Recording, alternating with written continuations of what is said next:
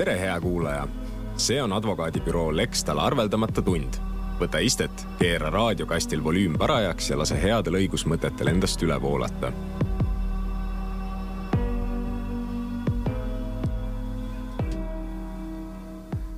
tervist, minu nimi on Hando Sinisalu ja täna on saatekülaliseks Rauno Kinkar, kes on advokaadibüroo Lextal partner, vandeadvokaat ja IP ja IT meeskonna juht, tere Rauno! Tere päevast! ja vandeadvokaat Henri Ratnik, tervist! tervist! ja teeme juttu kahekümne kaheksandal mail jõustuvast uuest üle-euroopalisest direktiivist nimega Omnibus, ja see mõjutab siis kõiki kauplejaid, kõiki, kes müüvad midagi tarbijatele, kaupmehed, teenusepakkujad, kõik, kõik, kes sellega tegelevad, nii et enam-vähem suurem osa ärisid, võib öelda, ühel või teisel moel on sellest mõjutatud milles see Omnibussi suur uuendus või muudatus seisneb, et kui võrrelda seda olukorda, mis on täna nüüd selle olukorraga, mis hakkab olema pärast kahekümne kaheksandat maid, siis millised need põhilised uuendused on? Ma hüppan kohe siin võimaluse peale, ma selgitan korra, miks äh, seda kõike üldse meiega tehakse, mis selle asja kontekst on. et Euroopa Komisjon ja erinevad tarbijakaitseasutused on siin äh, pikki aastaid viinud läbi erinevaid analüüsisi, äh, vaadanud seda, kuidas tarbijad käituvad eelkõige, aga mitte ainult veebikeskkonnas, viidud on läbi mitmeid Euroopa Liidu üleseid uuringuid tarbijate mm, käitumisest, tarbijate teadlikkusest enda õigustest, eelkõige just veebi Äh, veebiteenuste ja kaupade müügi äh, kontekstis ja mitte väga üllatavalt jõuti äh, suhteliselt konsensuslikule järeldusele, et tarbijakaitseõigused, mida me oleme harjunud nautima nii-öelda brick and mortar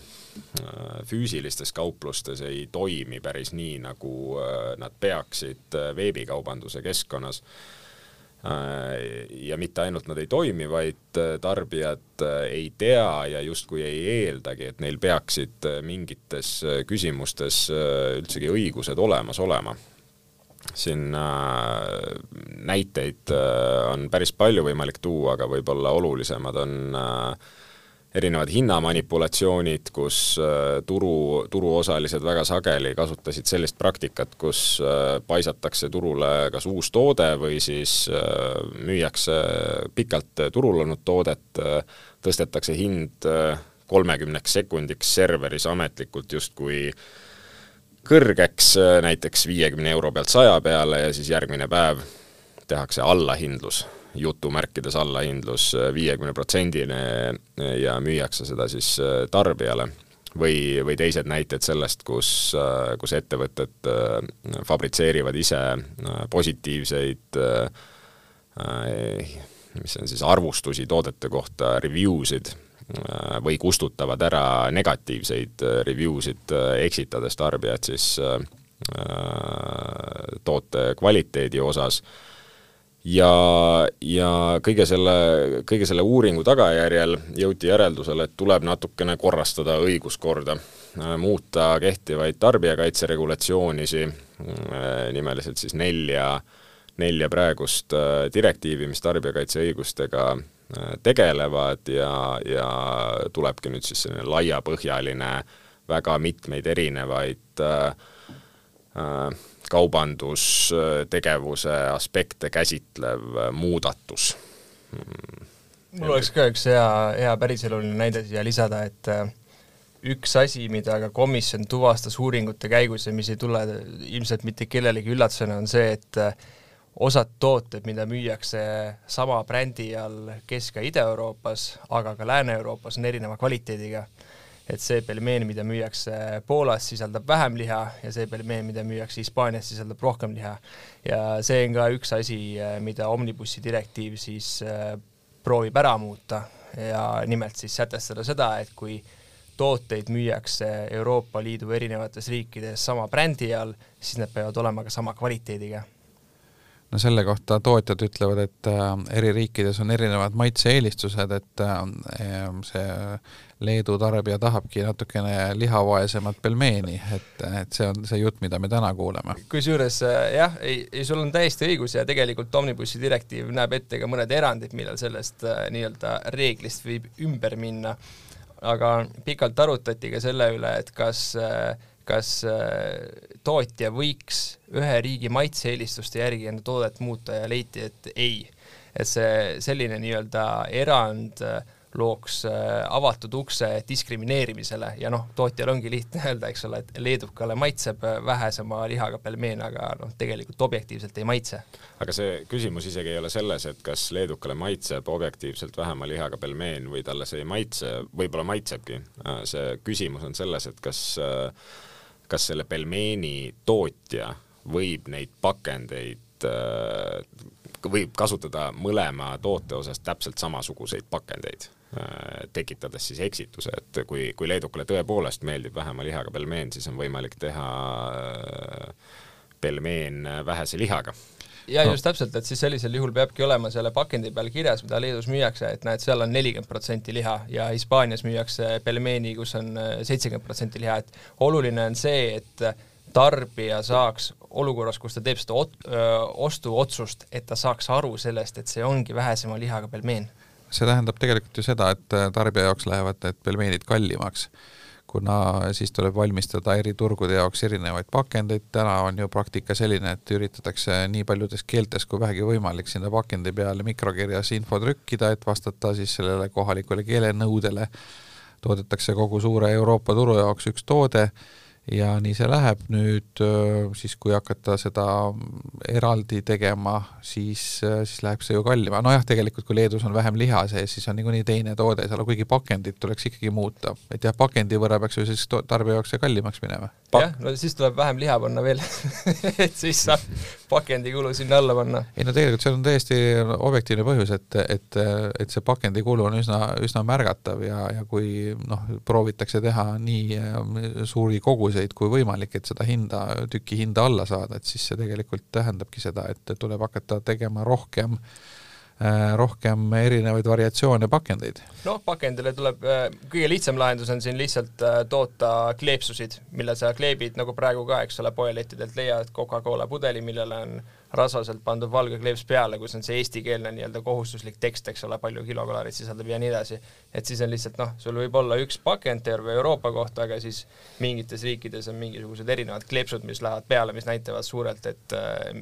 palju seal siis seda liha või, või mis, mis iganes muud asja sees on. aga no ma, ma arvan, et äh, pakendikulust äh, erinevate pakendi variatsioonide tootmine, eriti olukorras, kus need tooted on ka sisuliselt erinevad, ehk siis nad ei lähe tegelikult samale tootmisliinile ilmselt ei ole see määrav faktor seal ja isegi kui seal tuleb mingisugune äh, toote hinna äh, mõju, siis äh, ma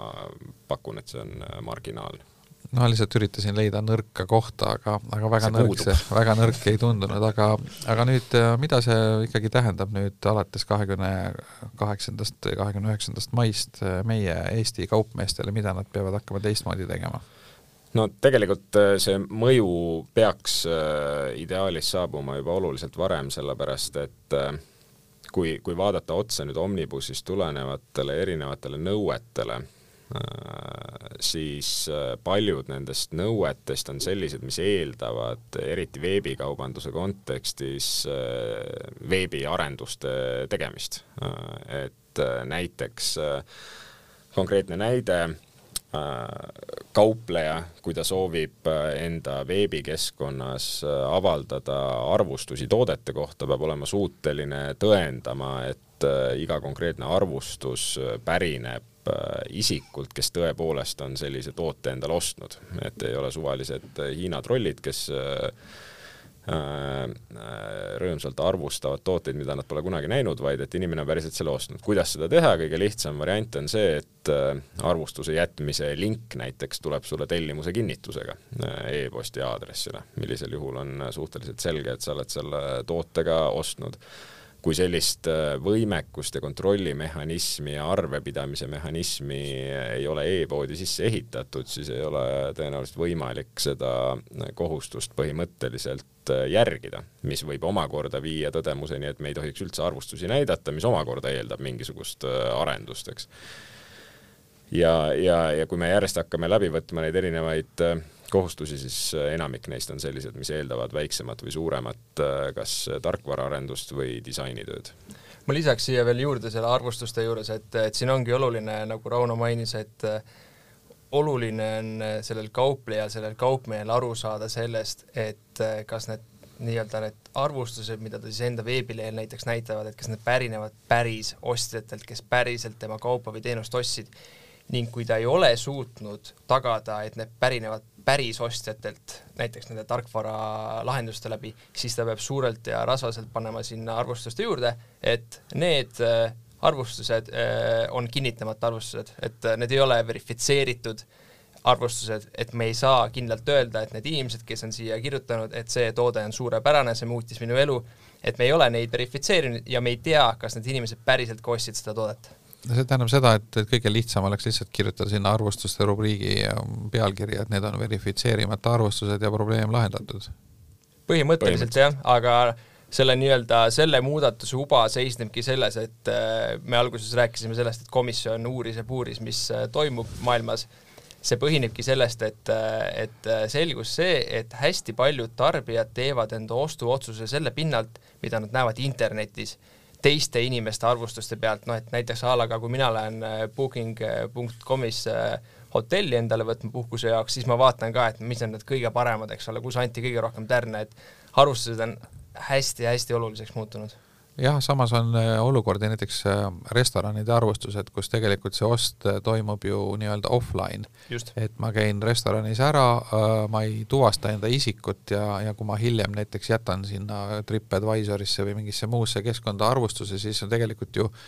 sellel restorani omanikul üsna raske aru saada, kas ma tegelikult olin päris, päris külastaja või, või oli mingi troll või, või robot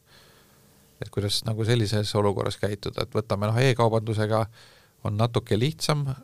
aga näiteks seesama restorani kogemus, kus, kus ost toimub offline ja näiteks üldse külaliseks on välismaalane turist, kelle kohta ei ole üldse mingit, mingit jälge. ja siin on oluline aru saada sellest, et et Omnibus räägib sellest, et mis on selle kaupmehe või siis restoranipidaja kohustused olukorras, kus tema ise avaldab need arvustused olukorras, kus neid arvustusi vahendab kolmas platvorm, näiteks Google, ja kui kaupmehel ei ole mõistlikku nii-öelda mm, äh, valitsemist selle üle, mis seal toimub, siis ta ei saagi midagi selles osas teha. aa, nii et see TripAdvisorit ja Google'it ja neid ei puudutagi siis, see, see puudutab ainult seda kaupmehe enda veebilehte? see on Google'i ja TripAdvisori kohustus eelkõige. ahah, et siis peavad nemad tõestama seda? jaa, sest nemad teevad need tagasisidemed nii-öelda avalikuks.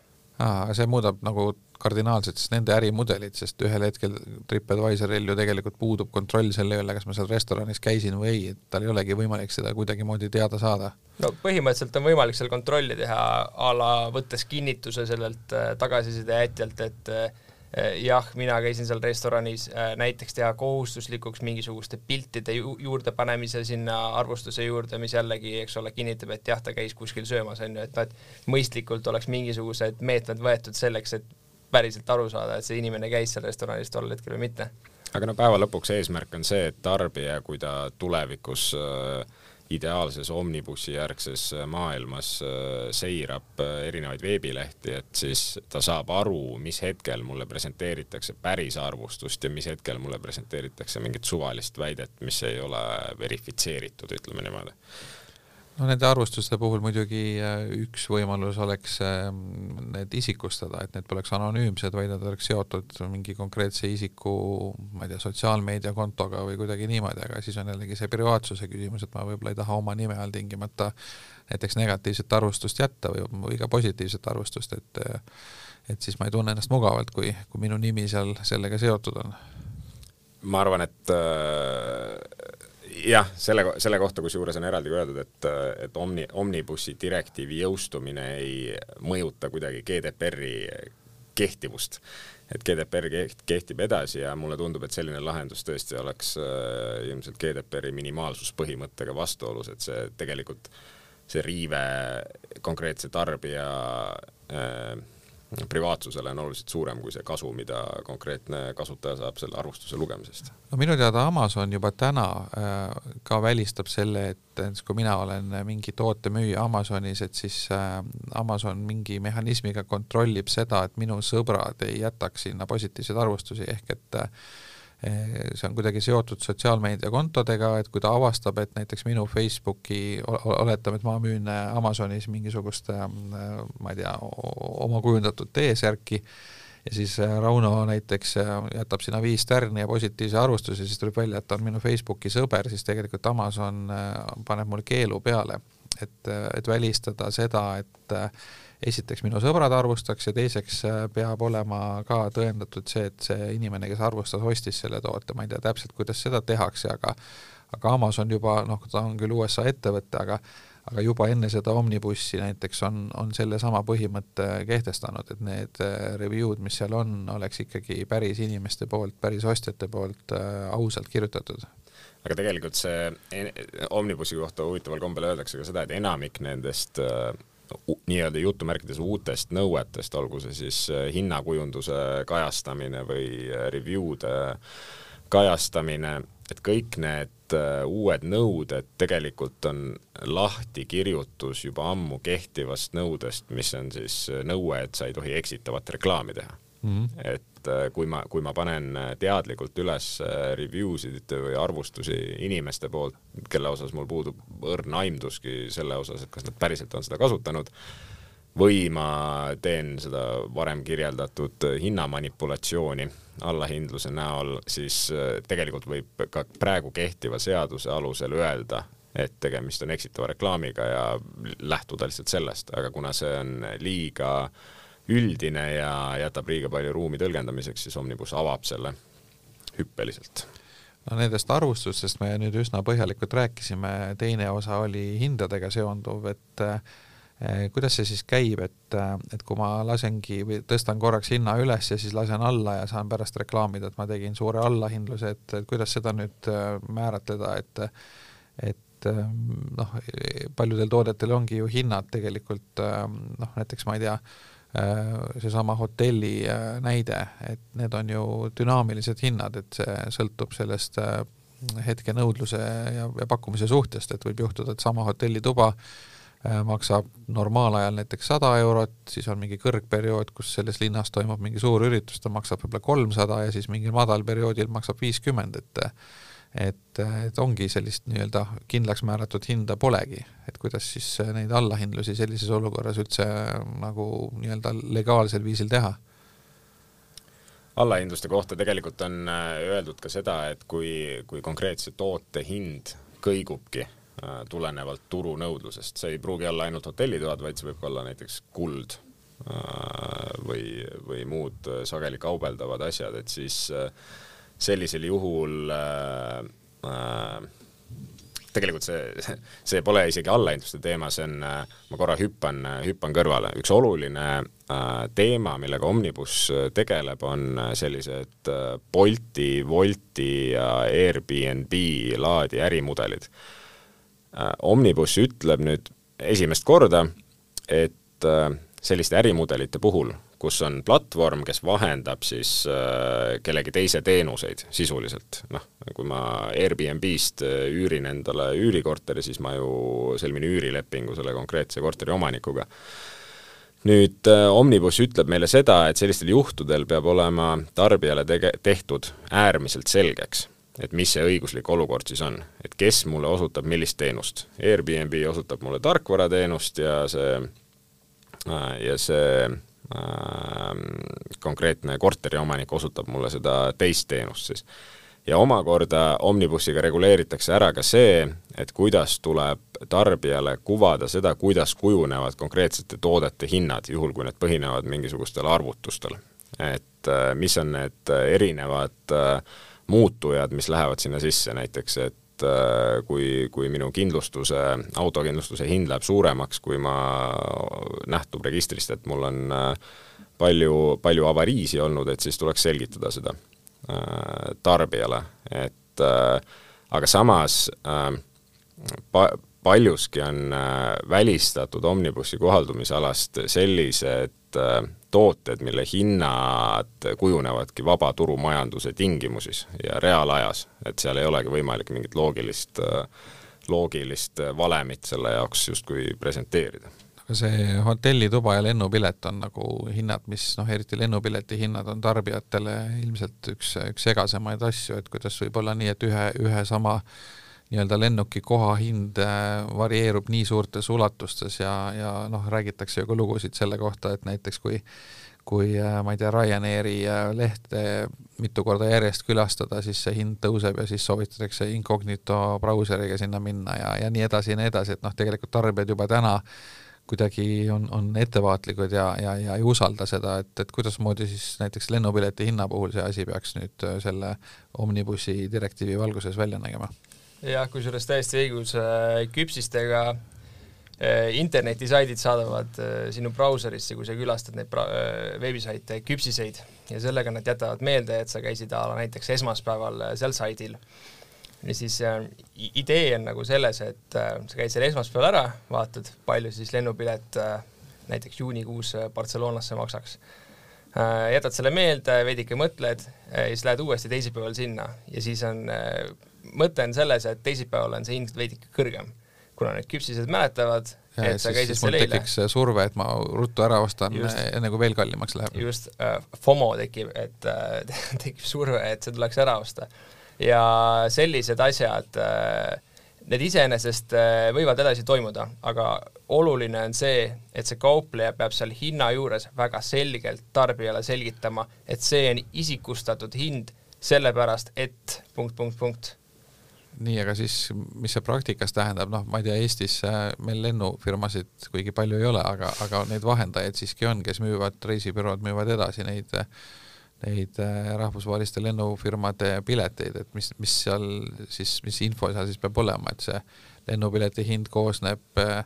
ma ei tea, kütusest, kindlustusest, äh, lennujaama maksudest ja, ja millest kõigest veel ja, ja siis on ta lisaks ka veel dünaamiliselt hinnastatud ja, ja sõltub ka veel isikustatud sellest ja seal on neid komponente ülipalju, et kuidas seda kõike siis nagu serveerida tuleks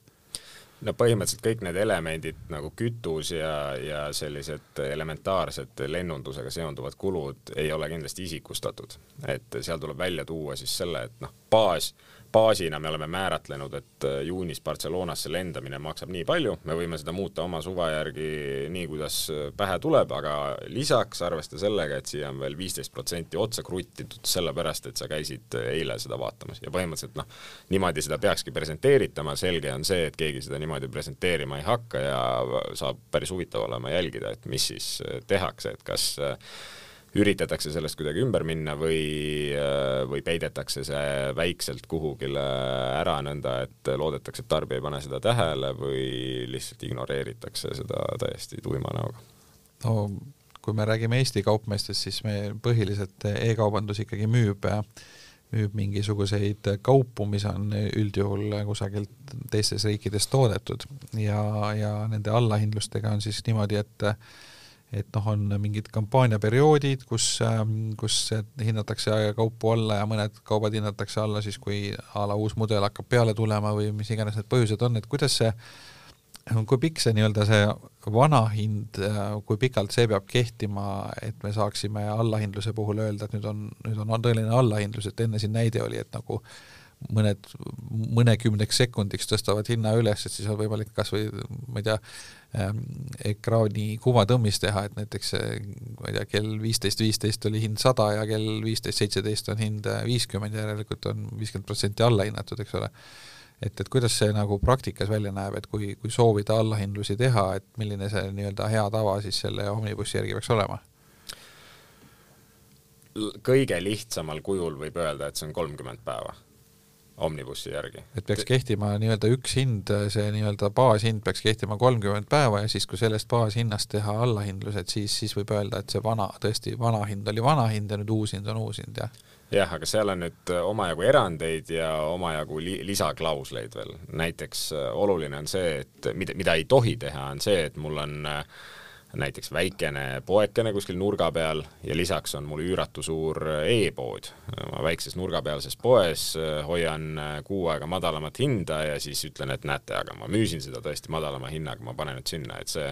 see kolmekümnepäevane varasema müümise periood peab äh, toimuma selles samas portaalis Äh, ja seesama käib ka poodide kohta,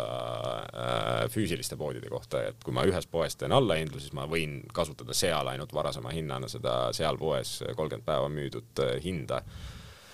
ja omakorda on erandid siis riknevate kaupade osas ja omakorda on võimalik põhimõtteliselt see ei ole välistatud, et ma müün turule äsja tulnud kaupa, mida ei olegi kunagi müüdud. et ma müün seda, ütleme, turule tulemise hinnaga, eesmärgiga tekitada kõmu ja et inimesed ostaksid, et see printsiibis ei, ei ole, ei ole keelatud, aga, aga seal tuleb äh, lihtsalt äh, jälgida, et äh, see ei oleks tarbijat eksitav. Kas peale nende arvustuste ja, ja hinnakujunduse on veel mingeid valdkondi, mida see Omnibus mõjutab? ma ütleksin, et kõige huvitavam valdkond, Henri võib ka veel täiendada, aga mi-, minu jaoks kõige huvitavam valdkond ongi see ütleme siis äh, jagamismajandusega äh, seonduvad eriregulatsioonid, kus, äh, kus väga selgelt seatakse tarbijakaitselisi kohustusi siis erinevatele sellistele portaalidele, mis vahendavad kaupu ja teenuseid, kus näiteks kui ma lähen äh, Airbnb-sse, füüsilise isiku käest rendin endale korteri ja sõlmin fü teise füüsilise isikuga läbi Airbnb, sõlmin äh, üürilepingu lühiajalise siis äh, kuna tema on äh, füüsiline isik, siis äh, on põhjendatud küsimus, et kas sellisel juhul saavad üldse tarbijakaitse regulatsioonid kohalduda. et Omnibus teeb väga selgeks, et seda tuleb selgitada tarbijale, et mida see tegelikult tähendab, et kui ma siit portaalist seda ostan, et mulle võib jääda mulje, et Airbnb on suur ja tunnustatud kontsern ja tagab minu kõik õigused, aga tegelikult see ei pruugi nii olla taksonduses võib-olla on isegi äh, noh, rohkem kasutajaid ja, ja levinum näide, et samamoodi näiteks Bolti platvormi kaudu äh, takso tellimine, et see taksoteenuse osutaja on ju äh, tihti füüsilisest isikust ettevõtja, eraisik, eks ole. et kas siis seal see tehing minu kui kliendi ja siis selle teenusepakkuja vahel, kas see, milline see platvormi ehk Bolti vastutus seal on? See on äh, suurepärane küsimus äh,. Omnibus otseselt vastutust ei reguleeri, aga laias laastus nii Uberi kui Bolti kui ka teiste analoogide ärimudeli aluseks on ju see, et äh, veoleping sõlmitakse tarbija ehk siis portaali kasutaja ja konkreetse juhi vahel. just nüüd Omnibus, mida ütleb selle kohta, on see, et see tuleb väga, väga serg-, selgeks teha tarbijale, et sa saaksid aru, et tegelikult mind ei vea mitte Bolt, vaid see konkreetne Tiit Kask äh, Põlvast, äh, kes äh, mulle tervisekahju tekkimise korral tõenäoliselt peaks sellega kõik hüvitama, mida ta ilmselgelt ei ole võimeline tegema, kui see kahju on väga suur mm. -hmm. ja see omakorda, eks ole, noh, me, te, teadlikumad tarbijad teavad seda ilmselt juba, juba täna, võib-olla paljud ei ole selle peale üldse mõelnudki ja, ja nüüd, kui neid juhtumeid tekib äh, aja jooksul ikka ilmselt, kui kasutajate hulk on suur, siis midagi läheb ka valesti, et siis äh,, siis järjest rohkem tekib ka see surve, et, et kes siis ikkagi vastutab ja ja noh, siin tegelikult sarnane diskussioon on ju olnud äh, päris äh, aegade algusest üleval ka meedia vastutuse üle sisu üle, et kui, kui praegu siin Delfi stuudios räägime, needsamad kommentaarid, eks ole, mis ilmuvad portaalis, et kas see platvorm siis või portaal vastutab seal millegi eest või mitte ja ja noh, sarnane on siis seesama Boldi, Boldi või mõne muu sarnase platvormi vastutus selle teenusepakkuja tekitatud kahju üle, et, et, et ühesõnaga, kas see ja Facebooki vastutus vihakõne eest ja kõik, kõik need teemad, et tegelikult on väga laialt üleval ja ma ei tea, mis see üldine selline äh, see, see platvormi ajastu meil nüüd, nüüd väga tugevalt on kohal, et mis selline üldine nagu eh, juriidiline nägemus selle kohta on, et, et, et kust maalt see platvormi vastutus läheb ja kust maalt on siis see, see konkreetne see võib-olla siis enamikel juhtudel ongi eraisik seal teisel pool, kes seda kahju põhjustab? Kõige, kõige olulisem asi on, mida platvormi omanik ja operaator peab siin silmas pidama, on see, et kogu see, kogu see krempel, see vastutuse, vastutuse asi ja see, kes tegelikult teenust osutab ja kes teenuse eest nii-öelda vastutab, et see oleks hästi tehtud, peab olema platvormi tingimustes selgelt kirjas. see on see koht, kus need asjad tuleb ära klattida, eks ole. ja ega, ega juriidika ei taha siin nii-öelda majanduse ja ühiskonna arengule vastu astuda, et platvormiteenused on juba kuum kaup olnud juba viimased viisteist aastat olukord, kus siis äh, nii-öelda füüsilised isikud osutavad teistele füüsilisi, füüsilistele isikutele teenuseid, eks ole, jagamismajandus, ja juriidika on siin põhimõtteliselt lahendatav äh, case by case, aga üldpõhimõte on ikkagi see, et äh, et kui asjad on selgelt kirjas ja kõik on mõistlikult lahendatud, siis tegelikult peaks ikkagi see konkreetne teenuseosutaja vastutama. aga see ei ole selge ja see sõltub juhtumipõhiselt see, mis juhtus, see, kuidas olid lepingud sõlmitud, eks ole, ja nii edasi. aga see, see, see on iseenesest ülihuvitav nagu filosoofiline teema, et äh, kas me peaksime ühe, ühest küljest tundub loogiline, et vabaturumajanduse kontekstis ühel inimesel peab olema võimalik teisele inimesele teenust osutada ja kui ta tahab kasutada, mõlemad tahavad kasutada selleks vahenduseks mingisugust kolmandast isikust platvormi, siis äh, formaalloogiliselt ei peaks nagu mingit vastutust sellel äh, platvormil olema, seni kuni see on kahe inimese tegelik soov ja tahtmine, et äh, selles mõttes see omnibus tulebki siia nüüd mängu, et äh, et kõige olulisem selle vastutuse väljaselgitamisel ongi selgitada välja, mis kuvand luuakse sellele lõpptarbijale. et kuidas lõpptarbija pidi tegelikult aru saama sellest õigussuhtest, et kui kui, kui lõpptarbija pärast käsi südamel ütleb, et jah, ma saingi aru, et mulle osutab teenust see äh, Tiit, siis äh, oleks suhteliselt jabur ja ma sain aru, mis tingimustel ta seda teeb, siis oleks suhteliselt jabur öelda, et aga nüüd äh, Uber või Bolt peab äh, sinu kahju kinni maksma. aga kui seesama inimene läheb kohtusse äh, ja ütleb, et noh, ma ei, ma ei ole näinudki selle Tiidu nime, ma avasin Uberi äpi, panin krediitkaardi andmed sisse, vajutasin vii mind koju, istusin musta autosse ja ülejäänud oli ajalugu, et et siis see on veidike teine teema ja, ja kuskil ongi seal see tasakaalupunkt, et kui palju peab see platvormiteenuse osutaja pingutama selle nimel, et tarbija saaks aru, kes talle tegelikult seda teenust osutab ja mis on sellega seonduvad ohud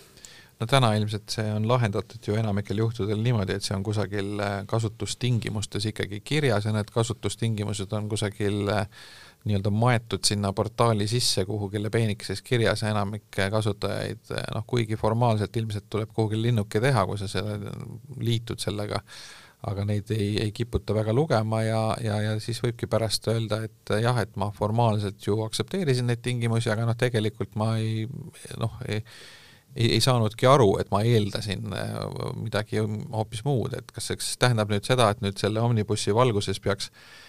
need äh, kasutustingimused ja klauslid sealt kusagilt äh, portaali sügavusest, peenikesest kirjast kolima kuhugile avalehele ja vähe suuremasse kirja, et, et kui ma nüüd mingisse poodi lähen, et siis ma saan kohe aru, et need arvustused on verifitseerimata või kui ma, ma ei tea, toitu tellin või, või majutust broneerin või taksot tellin, et siis ma saan kohe avalehel aru, et see on ainult äh, vahenduskeskkond ja tegelikult see äh, vastutab lõpuks see, see teenuse osutaja ja et leping sõlmitakse meie vahel, mitte platvorm siin ei võta mingit vastutust, et see, see nagu täna on jah, seal kusagil sügavustes, et kas see siis kolib nüüd sinna avalehele välja kohe suures kirjas? Just täpselt, seal ongi kaks aspekti, et mis sa ise mainisid ka, esiteks on see kasutustingimused, seal peab see kindlasti kirjas olema. see, ma arvan, täna on ka enamasti kuskil kirjas enamikel, aga see on, see on elementaarne ja mõistagi paljud ei viitsi neid läbi lugeda teine asi on ka täpselt see, et mis mulje jääb tarbijale kogu sellest no, nii-öelda teenuse kasutamisest. see on täna probleem, jah. et eh, Omnibus ei ütle seda, et eh, kui sa avad Uberi rakenduse, siis seal peaks kohe olema esimesel lehel rasvaselt kirjas, et taksoteenust osutab sulle eh, Tiit, Peeter või Jevgeni või kes iganes. Oluline on see, et mis mulje jääb tarbijale kogu sellest protsessist. üks asi, mis sinna kindlasti kaasa aitab, on see, et kui sa sõidu ära lõpetad, siis tuleb arve seal arvel jällegi, eks ole, võib-olla mitmed, mõned ei vaata, on ju, seal arvel on ka kenasti kirjas, kes seda teenust osutas. et sellised nagu mitmed nüansid koosmõjus peaksid aitama sellele kaasa, et tarbija lõppastmes mõistlikult võib aru saada sellest, et seda teenust osutab talle tegelikult äh, mitte siis see Uber, vaid hoopis teine inimene. aga vastates sinu küsimusele, post äh, omnibus maailmas tõesti ei piisa enam ainult kasutustingimustesse nende asjade kirjapanemisest, vaid need peavad olema toodud välja prominentsemal viisil ja eks see on igaühe tõlgendada siis, mis kujul nad seda teevad. nojah, see mulje on natuke subjektiivne asi küll, aga, aga siin on, siin on raske otsest vastust öelda, sellepärast et Omnibus ei anna seda ise ka mm. -hmm. ja see ongi üks nendest asjadest, mis hakkab selguma lihtsalt praktika käigus aga nüüd äh, kuu aega umbes on veel jäänud selle äh, Omnibussi kehtima hakkamiseni, täna, kui me siin saadet salvestame ja, ja üht-teist jõuab veel teha, et ette valmistada, et mis te soovitate siis kaupmeestele, et mis need asjad on, mida, mida kindlasti peaks üle vaatama, et mitte selle uue seadusega pahuksisse minna? mina, mina ütleksin seda, et äh, ei ole mõtet nagu jalgratast leiutama hakata, et Omnibuss on rahvusvaheliselt nii äh, aktuaalne teema, et piisab sellest, kui kirjutada sisse ten things to know about Omnibus Google'isse ja, ja saab päris hea ülevaate sellest kätte, et äh, esi, esialgu tuleks selline esimene ring eneseharimist ära teha, siis äh, on selge, mis asjad on äh, mis asjad on halvasti minu ettevõttes äh, ja siis äh, tuleb hakata nendega tegelema millega ise hakkama ei saa või mille sisust aru ei saa, siis eks tuleb tuleb küsida abi spetsialistidelt, ilmselt siin spetsialiste on mitmeid, on vaja disainereid, arendajaid, advokaatisi ja, ja nii edasi. ja üks, üks asi, mida kindlasti silmas pidada, mida me väga veel ei maininud, mida oleks tegelikult pidanud huvi tekitamiseks kohe esimesena mainima, on see, et GDPR-i laadsed trahvid, mõistagi, nagu on Euroopa Liidul kombeks äh,, mälu järgi neli protsenti konkreetse ettevõtte liikmesriigi käibest, aga äh, kui arvutust ei saa teha, siis kuni kaks miljonit. Äh, et, et panused iseenesest on suured, eriti kui me räägime suurtest veebiplatvormidest, mida, mida Eestis äh, tänaseks päevaks juba mõned on. tuleb arvestada võimalike kahjudega Äh, nii tarbijanõuete näol, erinevate menetluste näol, trahvide näol ja lihtsalt aegsasti asjad korda teha, sest enamik nendest asjadest tegelikult ei ole keerulised ja kulukad äh, korda teha, kui nendega praegu tegelema hakata. ja, ja milline organisatsioon Eestis nende kaebuste menetlemisega tegelema hakkab? tarbijakaitse inspektsioon nii et selles mõttes erinevalt GDPR-ist, et GDPR-i puhul äh, vist Andmekaitse Inspektsioon tegeleb sellega jah, et äh, Tarbijakaitseamet, vabandust. jah, seal on isegi pikem nimi, seal on vist mingi tehnilise järelevalve amet ka, jah, kaks ühes. just, aga, aga seni GDPR-i osas jah, me oleme suhteliselt leebelt vist pääsenud võrreldes mõnede teiste Euroopa liik-, riikidega, et äh, null trahvi? Vastab tõele, jah. ei, tähendab, väga vähe trahve on tehtud, aga see summa vähemalt poolteist aastat tagasi või aasta aega tagasi oli umbes nelisada eurot kokku, et äh, jah, arvestades neid trahvi ja maksimaalseid määrasid, mis on äh, mis need olid, neli miljonit, eks ole yeah.? et, äh, et äh, võiks palju rohkem, mitte ma ei, ma ei ütle, et võiks palju rohkem olla, aga teoreetiliselt on ruumi määrata küll, jah jah, no lihtsalt siin on meie kohalik äh, repressiivorgan olnud mõistlik, et näiteks ma olen kuulnud, et Saksamaal on ikkagi päris suuri trahve välja kirjutatud ka GDPR-i osas. aga Eestil on laiem probleem ju seoses sellega, et Eesti äh, ma nüüd võin eksida, aga kas see oli äkki Island või midagi sellist, on äh, kaks äh, eris-. Taani. Taani jah, sorry. Island ei ole Euroopa Liidus jah? jah, just. Äh, Eesti ja Taani on kaks ainukest Euroopa Liidu riiki, kellel ei eksisteeri sellist instituuti nagu haldustrahv. ehk siis seda ei olegi võimalik rakendada ja Eestis, kui sa tahaks GDPR-i alusel äh, jutumärkides trahvida kedagi, siis sa saad talle teha sunniraha või siis algatada väärteomenetluse. ja sama hakkab siis olema ka Omnibussiga või? tõenäoliselt. Nii, ühesõnaga selline helgem noot lõppu, et, et seadus saab küll olema range, aga, aga meil on lootust, et, et trahvid vähemalt esiotsa väga karmid ei ole, mis ei tähenda seda, et neid ei võiks ühel hetkel tulla ja ja et selleks ei peaks valmis olema, meiega vestlesid sellel teemal Lextali partner ja vandeadvokaat Rauno Kinkar ja vandeadvokaat Henri Ratnik, mina olen saatejuht Ando Sinisalu ja suur tänu kõigile kuulajatele! See oli arveldamata tund. tänan, et kuulasid. saate tõi sinuni advokaadibüroo Lextal, alati personaalne, julge ja usaldusväärne